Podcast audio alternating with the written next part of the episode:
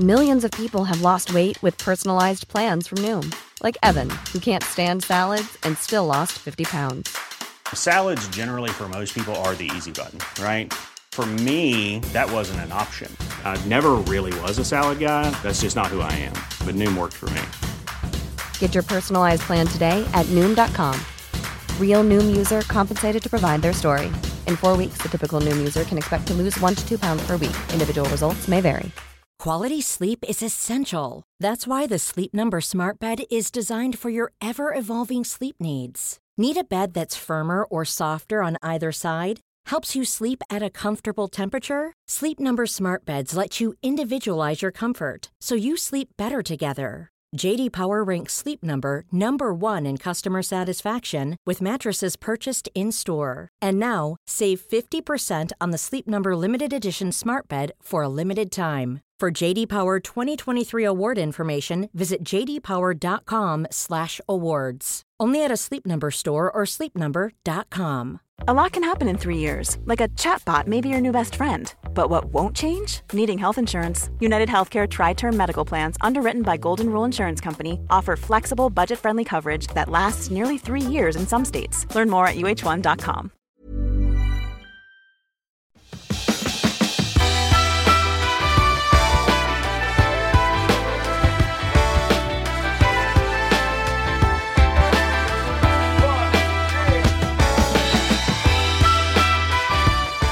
Hej och välkommen till första avsnittet av Klimakteriepodden med mig, Åsa Melin, som står mitt i det. Klimakteriet alltså. Vi börjar med en liten grundlektion om klimakteriet. När, vad det är som händer och hur det påverkar kroppen.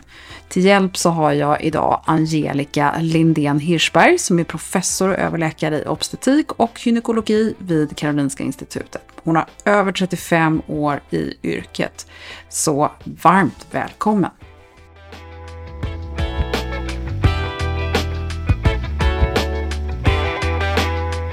Vi börjar med att hälsa dig varmt välkommen, Angelica Lindén Hirschberg. Tack. Vi sitter här på Karolinska institutet i Stockholm. Solna säger man kanske om man ska vara korrekt. Du är professor och överläkare i obstetrik och gyne gynekologi här. Mm. Och det har du varit ganska länge har jag förstått. Ja, tio år någonting. Ja, Mm. ja. Du har också skrivit massor med böcker om klimakteriet och du, en del av din litteratur används också i undervisning. Eh, du har eh, gjort väldigt många intressanta forskningsprojekt. Nu läste jag nyligen om att du eh, har varit involverad i det här som har varit lite på tapeten med de här negativa hälsoeffekterna med p-piller. Mm. Som också är intressant. Vi kanske kan komma in lite grann på p-piller och klimakteriet. Men vi ska fokusera på eh, klimakteriet idag. Jag tänker också att spännande andra uppdrag du har haft vid sidan om. Till exempel så har ju du då eh, ett uppdrag för Sveriges olympiska kommitté och du är livmedikus till kungahuset. Och det är kanske som sagt inte det vi ska gå in på idag utan nu fokuserar vi då på en basal lektion om kvinnans kropp. Men först kanske du vill tillägga någonting om dig själv. Jag kan väl säga att allt det som jag håller på med rör sig kring hormoner. Att jag är helt galen i hormoner. För jag tycker det är så spännande hur de påverkar kroppen och eh, vårt mående helt enkelt. Ja. Och särskilt för kvinnor skulle jag vilja säga då.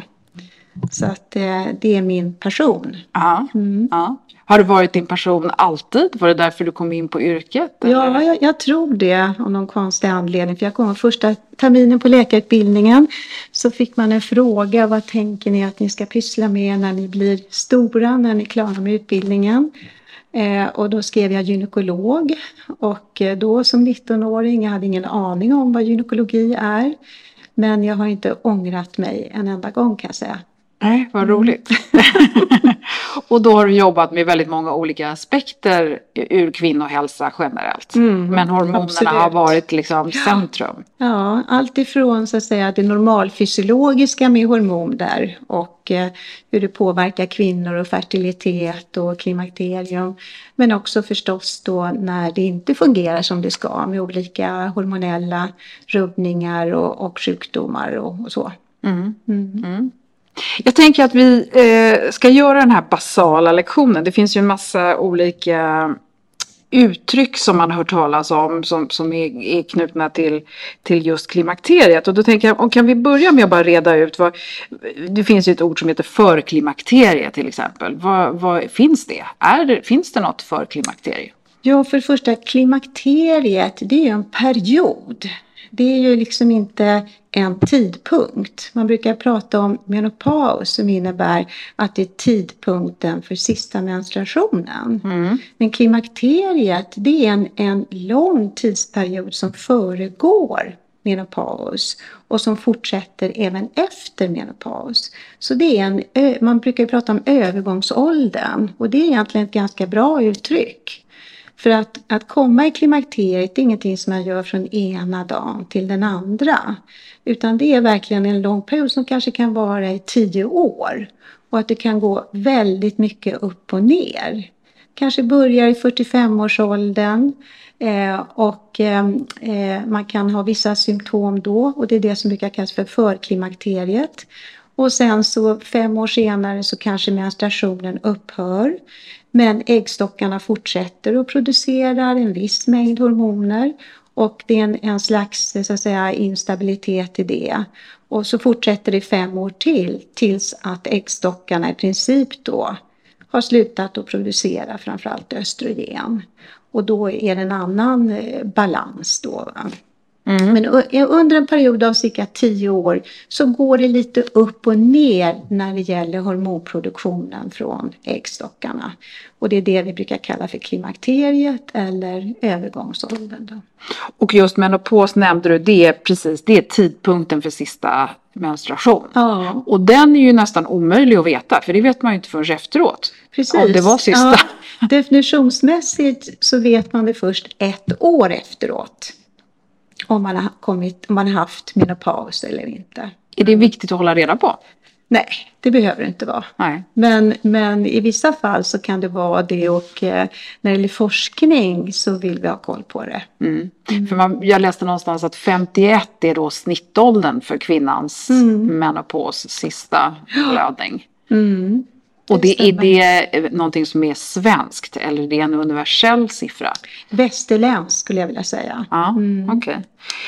När man pratar om förklimakteriet då, är det då allting som leder upp till sista mens?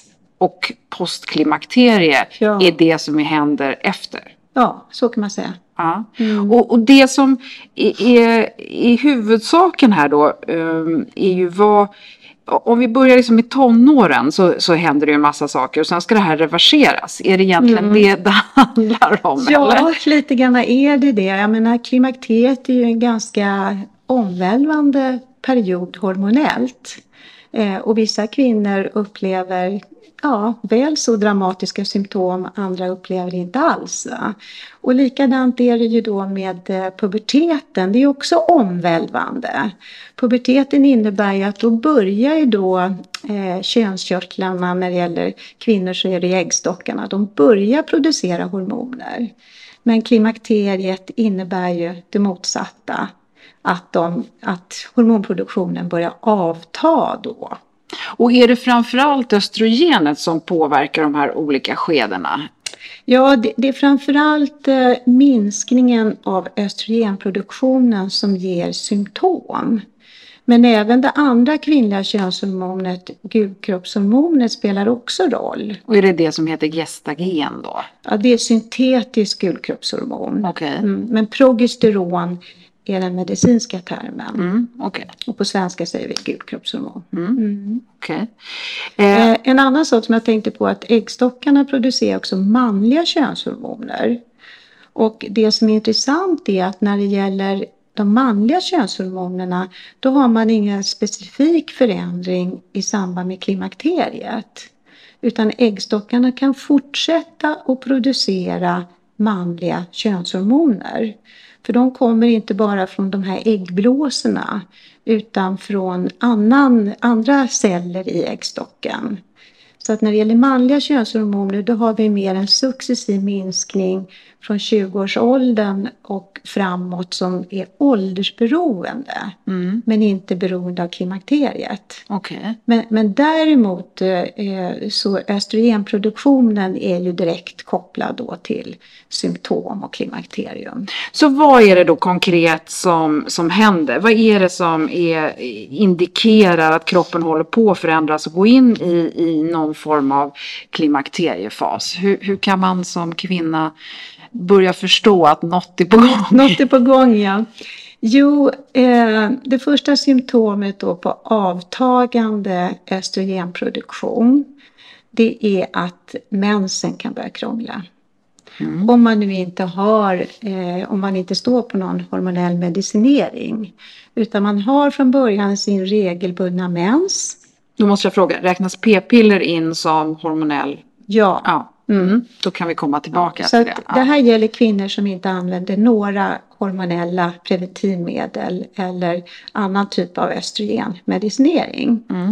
Och så utgår vi från att man från början då har regelbunden mens och det är ägglossningen som gör att den blir regelbunden.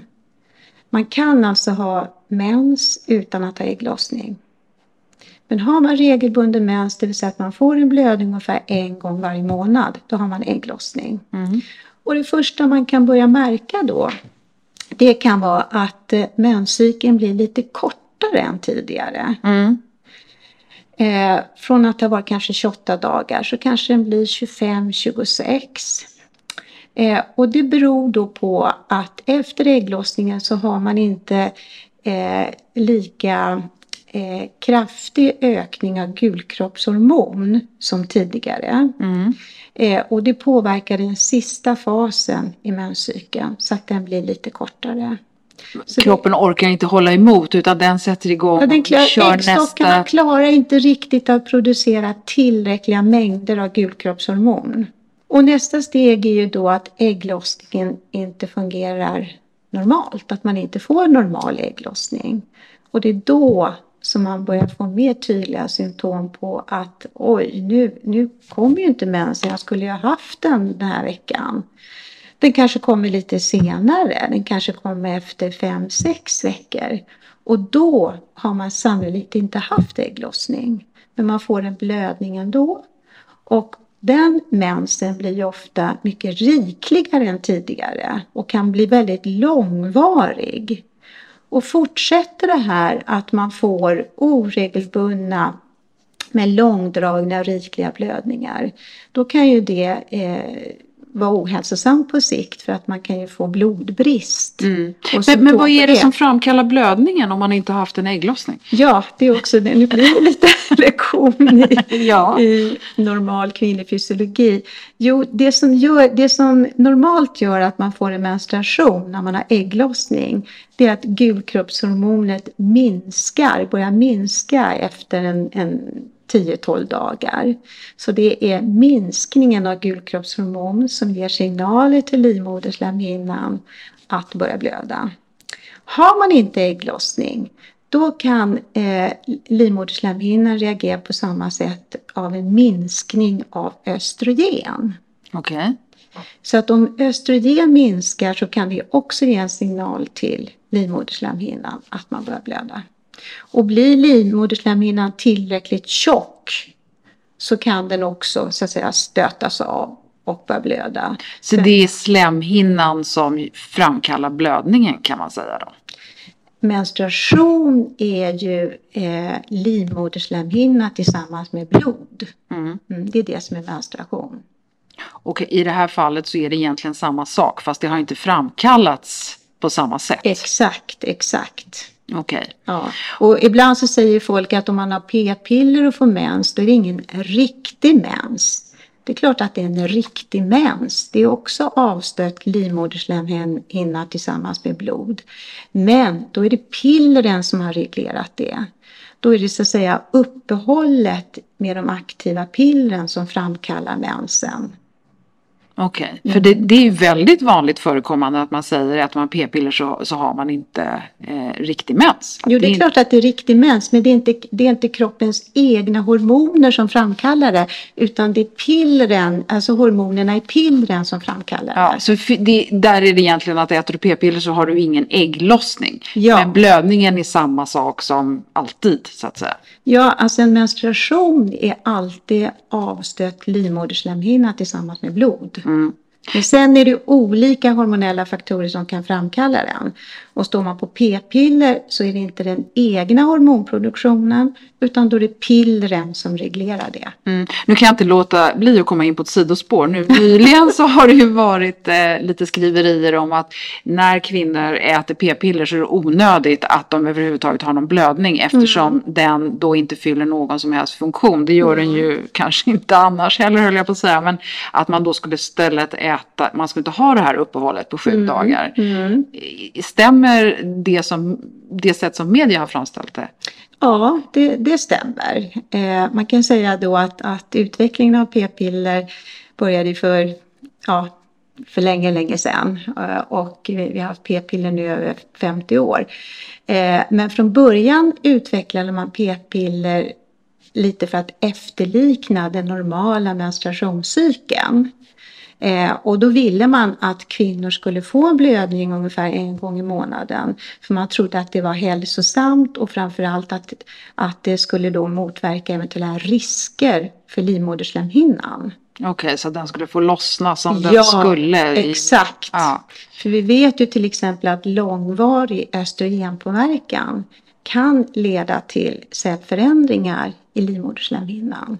Och gulkroppshormonet motverkar det. Och från början så visste man ju inte riktigt effekterna på livmoderslemhinnan. Idag så vet vi att det är säkert att äta p-piller kontinuerligt utan att behöva ha mens.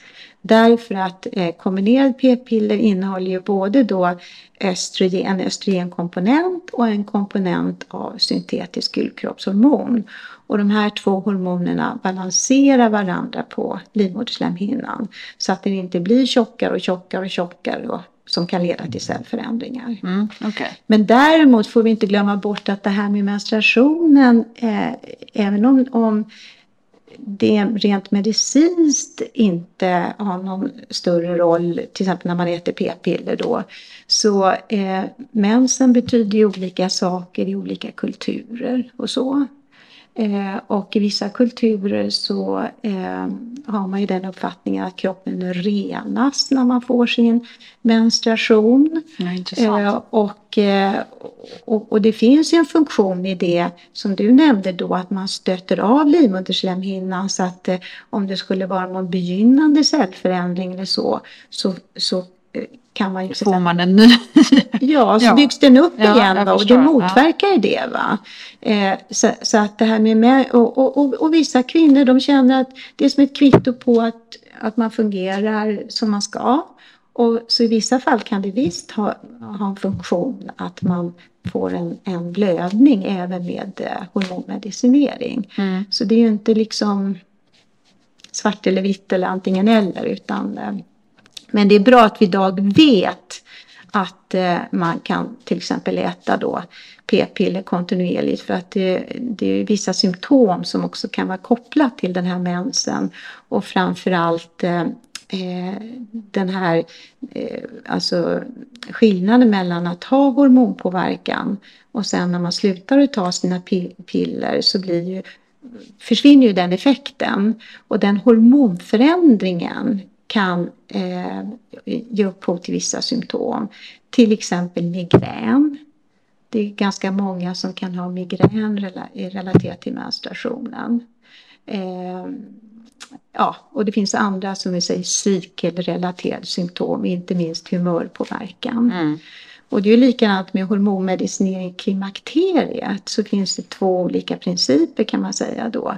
Att antingen kan man äta det så att man får en mens varje månad eller att man äter eh, östrogen och gulkroppshormon kontinuerligt och då balanserar det på livmoderslemhinnan och då får man inget hormonfall utan har samma jämna hormonpåverkan och då får man ingen mens.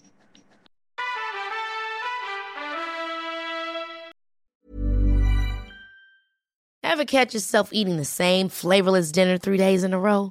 Dreaming of something better? Well HelloFresh is your guilt-free dream come true, baby. It's me, Gigi Palmer.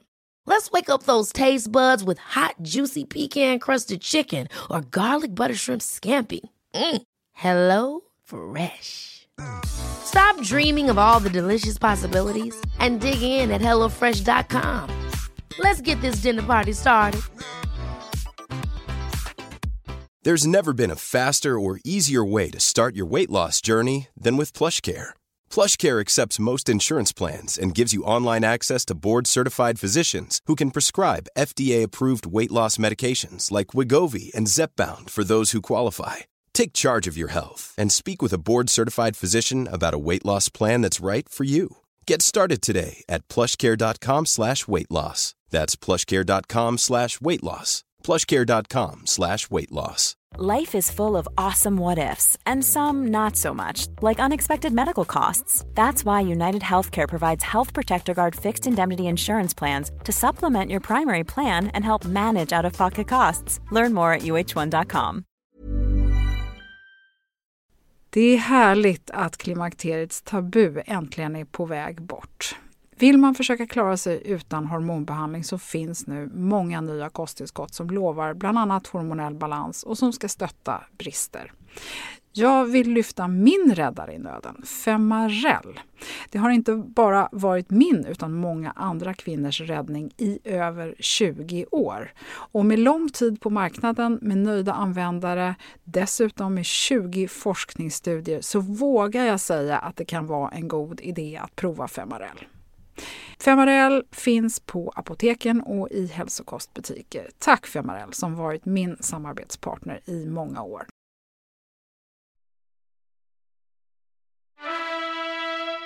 Då eh, känner jag att vi har kommit liksom förbi det här eh, förklimakteriet. Och nu, Mm. Om vi kommer tillbaka till de här eh, symptomen då. Du nämnde då att den här eh, snabbare takten, ofta tätare menstruation, det är Mm. när framförallt gulkroppshormonet börjar svaja eller blir lite lågt. Mm. Och då är östrogenet fortfarande hyfsat stabilt, eller? Ja, då är det precis. Då, då är, kan det absolut vara högt. Ja, det. ja. Och det i sig ger inga egentliga symptom. ja, alltså my- mycket handlar ju om också hur det svajar.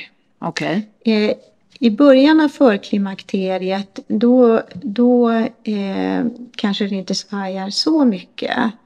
Eh, men nästa steg är ju då när ägglossningen uteblir. Mm. Och det är då när det börjar komma långt emellan. Det kanske tar, är fem veckor eller något Ja, så. och Och, kan hur få- lång brukar den perioden vara?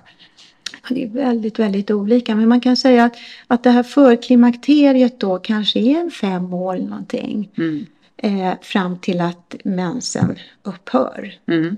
Och då, då kan det svaja ganska mycket. Eh, och, ehm, eh, och då beroende på eh, hur mycket det svajar så kan man ha olika symptom. Men det börjar alltså med att mensen kan krångla på olika sätt. Eh, och, men sen då när man börjar närma sig eh, att kanske mensen, när östrogenproduktionen avtar ytterligare så kanske mensen kommer allt glesare och glesare. Mm. Men då istället så dyker kanske de här klassiska klimakteriesymptomen upp. Och det är ju värmevallningar och svettningar. Och eh, det är ju inte sällan som de kommer då också nattetid. Att det blir mest intensivt på natten. Och då kan det ju påverka sömnen och sömnkvaliteten. Finns det någon anledning till att natten är värre än dagen? Ja, det finns säkert eh, någon eh, fysiologi bakom det. Men eh, det har inte jag riktigt kunskap om och jag vet inte om man vet det.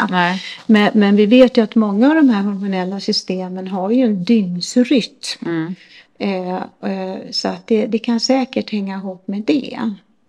Och när det gäller de här klassiska klimakteriesymptomen då så vet vi att ungefär 75 procent av alla kvinnor i den här perioden upplever symptom. I form av värme, vallningar, vallningar. och svettningar. Mm.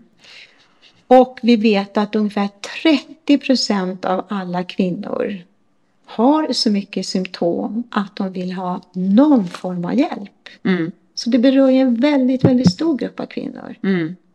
Och, och Vänder de som inte vill ha hjälp, är det för att de ska vara lite duktiga då? Eller de inte tycker det är så, så tillräckligt illa? Eller vad är din erfarenhet där? Var, vilka är det som vänder sig till vården för att de faktiskt vill ha hjälp? Ja, alltså det vi ser eh, mest av det är ju detta att kvinnor är rädda för östrogen. Mm. Eh, och jag pratar gärna om östrogenbehandling men det kanske vi Mm, jag tänker att vi, kom, vi kommer, tillbaka till, till. precis, vi kommer till det Men, i ett annat men avsnitt. eh, Ja. framförallt eh, det, det är ju synen på den behandlingen som har ändrats dramatiskt under de senaste decennierna. Så framförallt är det ju en rädsla för det.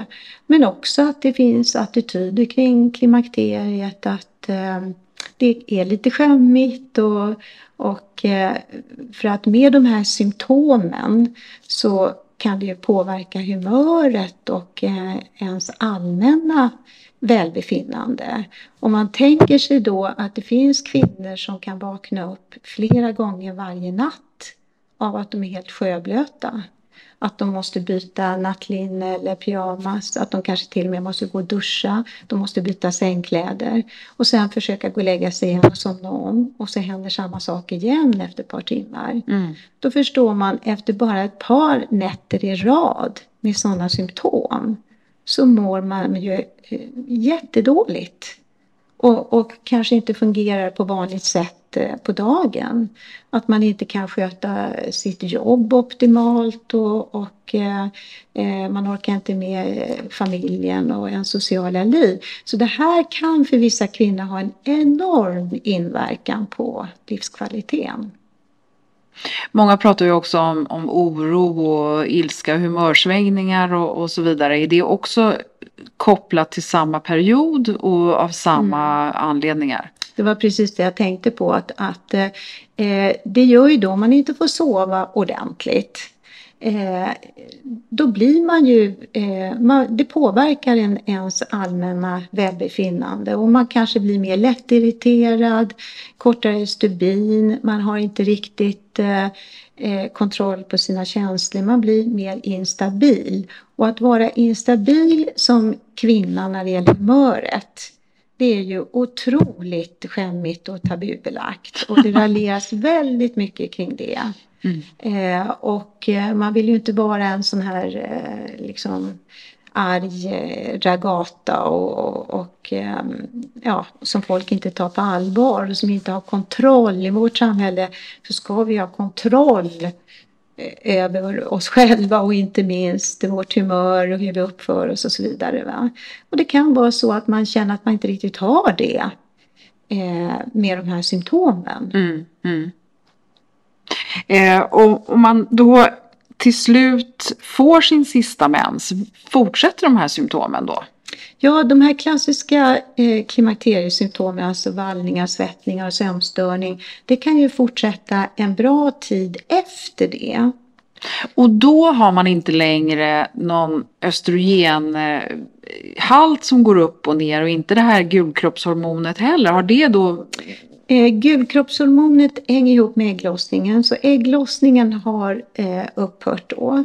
Men man kan fortfarande ha viss östrogenproduktion, så det kan fortfarande gå upp och ner en bra tid efter menopaus också. Men det är en avtagande hormonproduktion. Men man kan känna av de här svängningarna fortfarande. Eh, men eh, förhoppningsvis så kanske de här symptomen då med vallningar och svettningar att de också avtar och inte blir lika påtagliga. Mm. Men det låter ju för mig som då att det värsta är ju innan man kanske ens kopplar ihop. Jag tror att många lever i den villfarelsen, inklusive jag själv, att mensens upphörande, det är då eländet ska börja. Och det är därför som man kanske inte är så observant på eller förstår varför man eh, mår dåligt, så att säga, innan. Ja, nej, ofta så börjar det ju innan. Mm. Eh, och när det gäller de klassiska klimakteriesymptomen då brukar vi säga att, att det varar i genomsnitt kanske fem år. Mm. Och då är det ett par år före menopaus och ett par år efter. Mm. Men samtidigt vet vi att det finns kvinnor som har de här symptomen betydligt längre än fem år.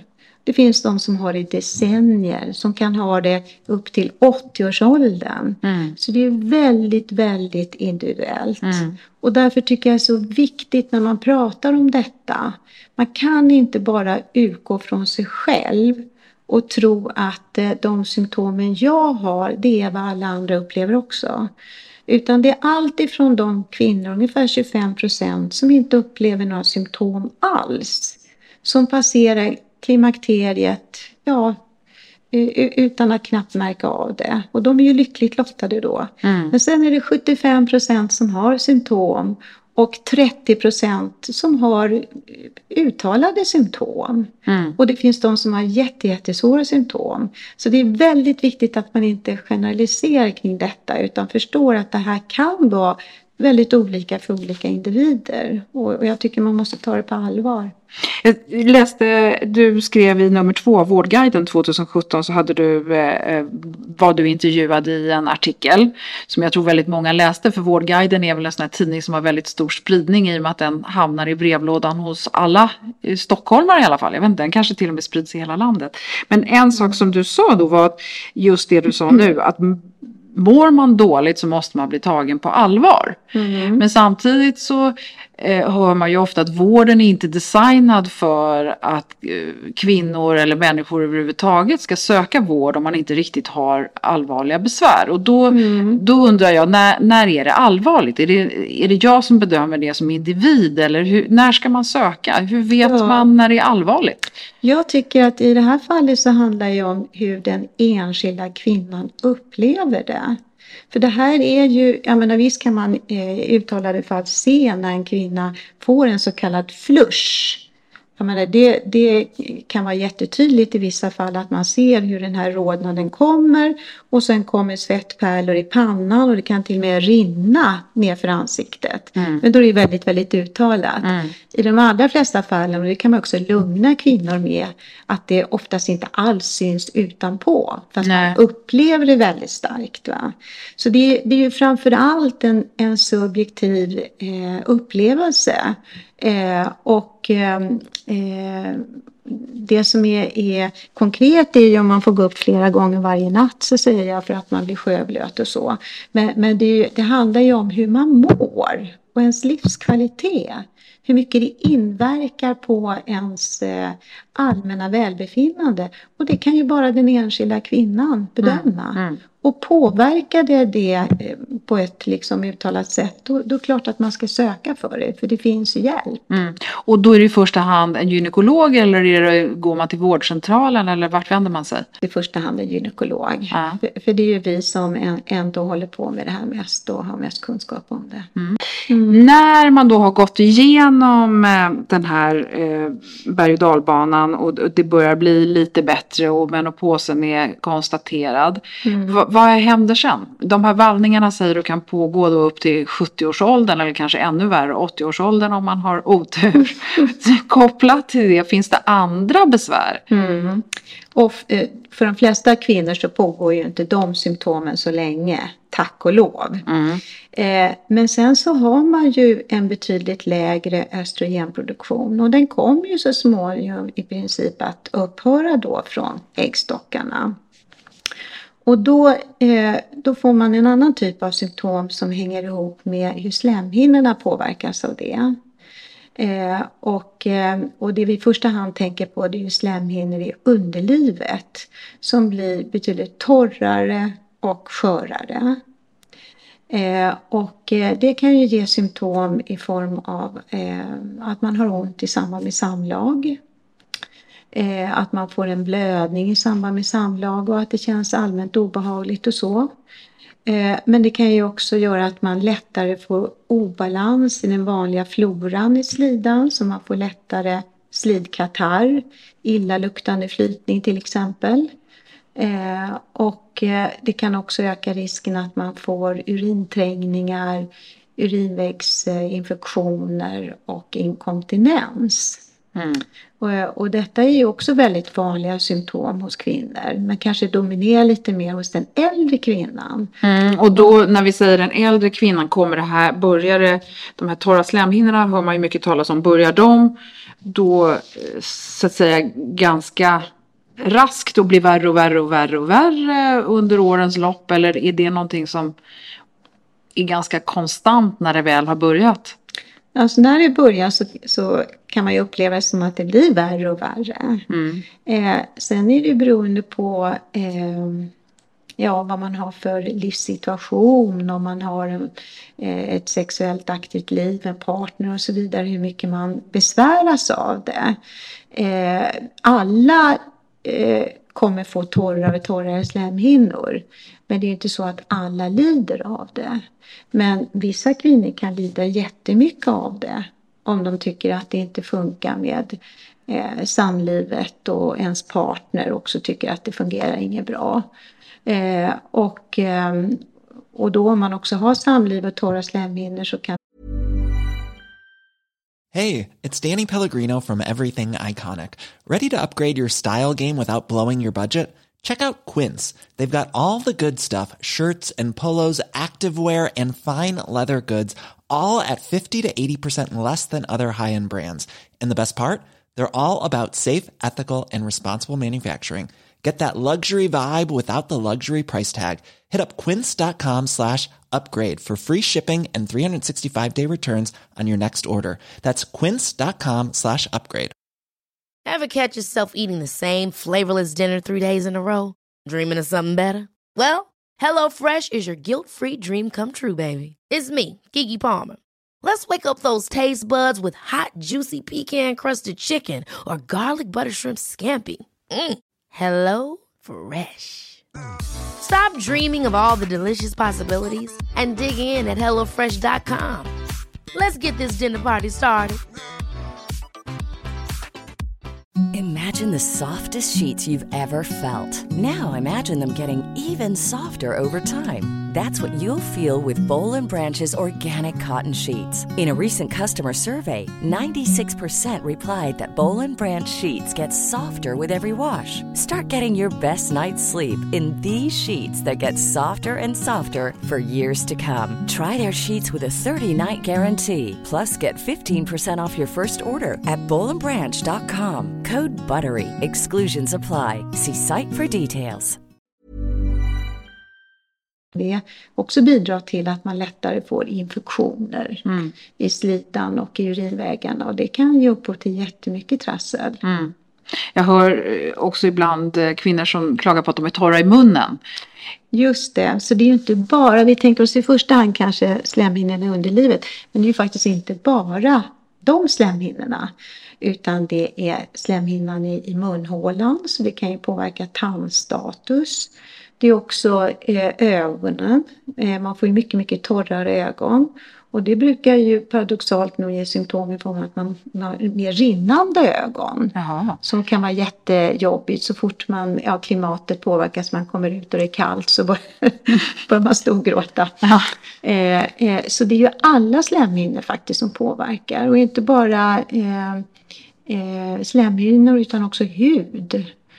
Eh, för att östrogen har ju normalt den effekten att, att eh, det bygger upp slemhinnor generellt, gör, gör att slemhinnorna blir tjockare, mer fuktiga och att det blir en ökad genomblödning.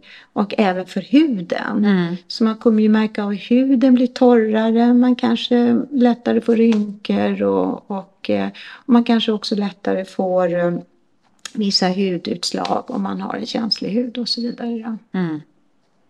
Ja, det låter ju inte som att det här är, är den del av livet som, som är, är den bästa tiden. Finns det någonting eh, som du ändå liksom kan... Som är positiv? Ja, men precis. Kan ja, vi få någon sån jo, slutkläm? Det, jo, men alltså det är olika hur man ser på detta.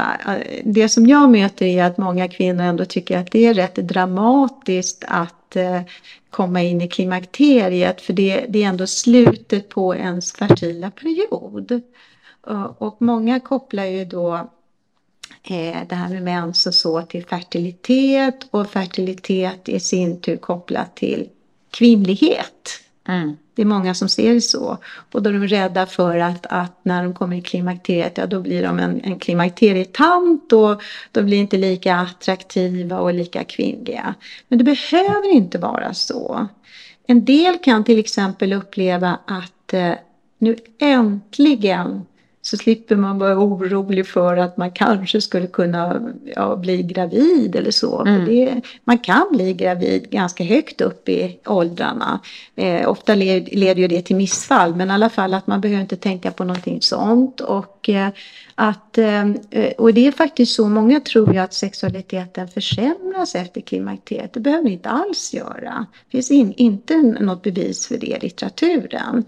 Utan i en del fall så kan det till och med bli bättre. Så mycket handlar ju om vad man har för eh, självuppfattning helt enkelt. Mm. Vad man har för identitet och så. Mm. Och, och, och det är någonting som jag skulle vilja stärka. Att, jag menar, att, att vara kvinna är ju något helt fantastiskt. Vi ska inte liksom efterlikna män utan vi ska vara stolta för att vi är kvinnor. Och, och, det, och att vara kvinna är inte bara kopplat till att man har mens. Tack och lov.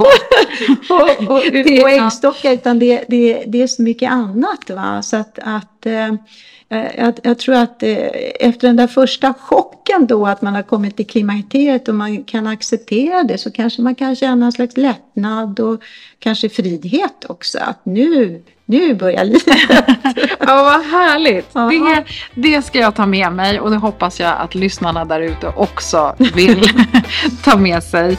Och eh, då har vi äran att få träffa dig snart igen och då ska vi gå in lite mer på eh, de här hur man kan avhjälpa sina symptom och lite mer med hormoner och så vidare. Så där sätter vi punkt för idag och stort tack Angelica. Mm, tack.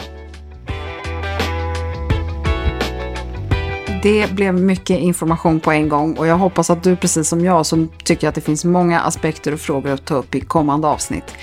Eh, däremot så hörde ni också att Angelica kommer komma tillbaka och då ska vi prata mer om östrogen specifikt. Men det blir först om några avsnitt. För nästa vecka så träffar jag Amelia Adamo och det är en härlig öppen kvinna som inte bara talar om sin egen klimakterieresa utan vi ska också prata om klimakteriet ur en journalistisk synvinkel. Lite grann med det här, hur tar man upp det i pressen och hur talar man om det på redaktionerna.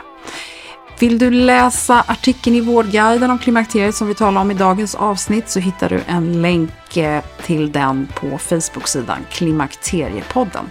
Och vill du komma i kontakt med mig, Åsa Melin, så mejla gärna på info klimakteriepodden.se. Tack för att du lyssnade. Hej!